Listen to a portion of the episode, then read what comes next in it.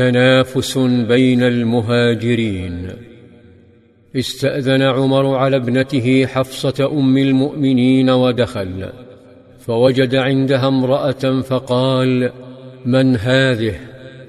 قالت أسماء بنت عميس. قال الحبشية هذه؟ البحرية هذه؟ فقالت أسماء. نعم.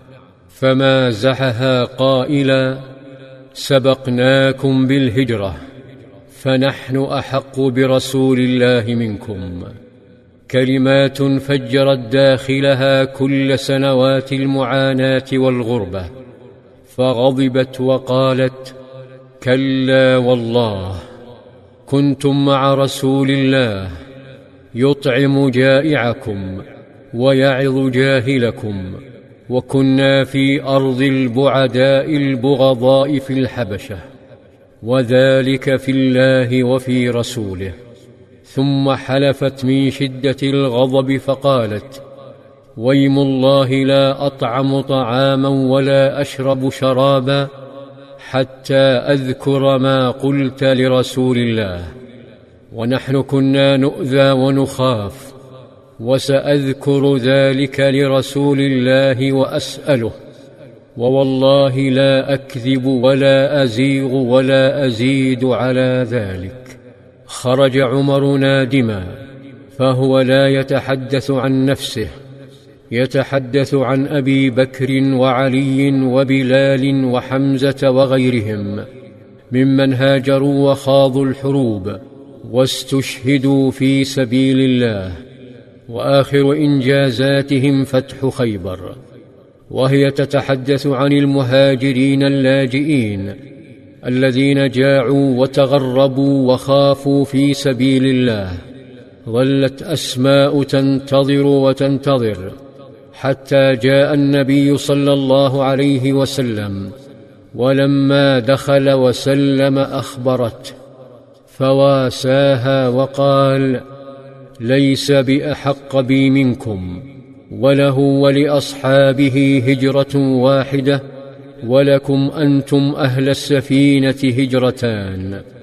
خرجت أسماء من بيت حفصة يحملها فرح لا حدود له وأخبرت زوجها وانتشر الخبر بين مهاجر الحبشة فتوافدوا على مقر إقامة أسماء ليتأكدوا بأنفسهم.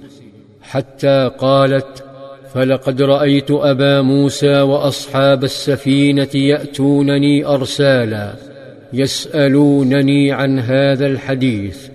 ما من الدنيا شيء هم أفرح ولا أعظم في أنفسهم مما قال لهم النبي صلى الله عليه وسلم.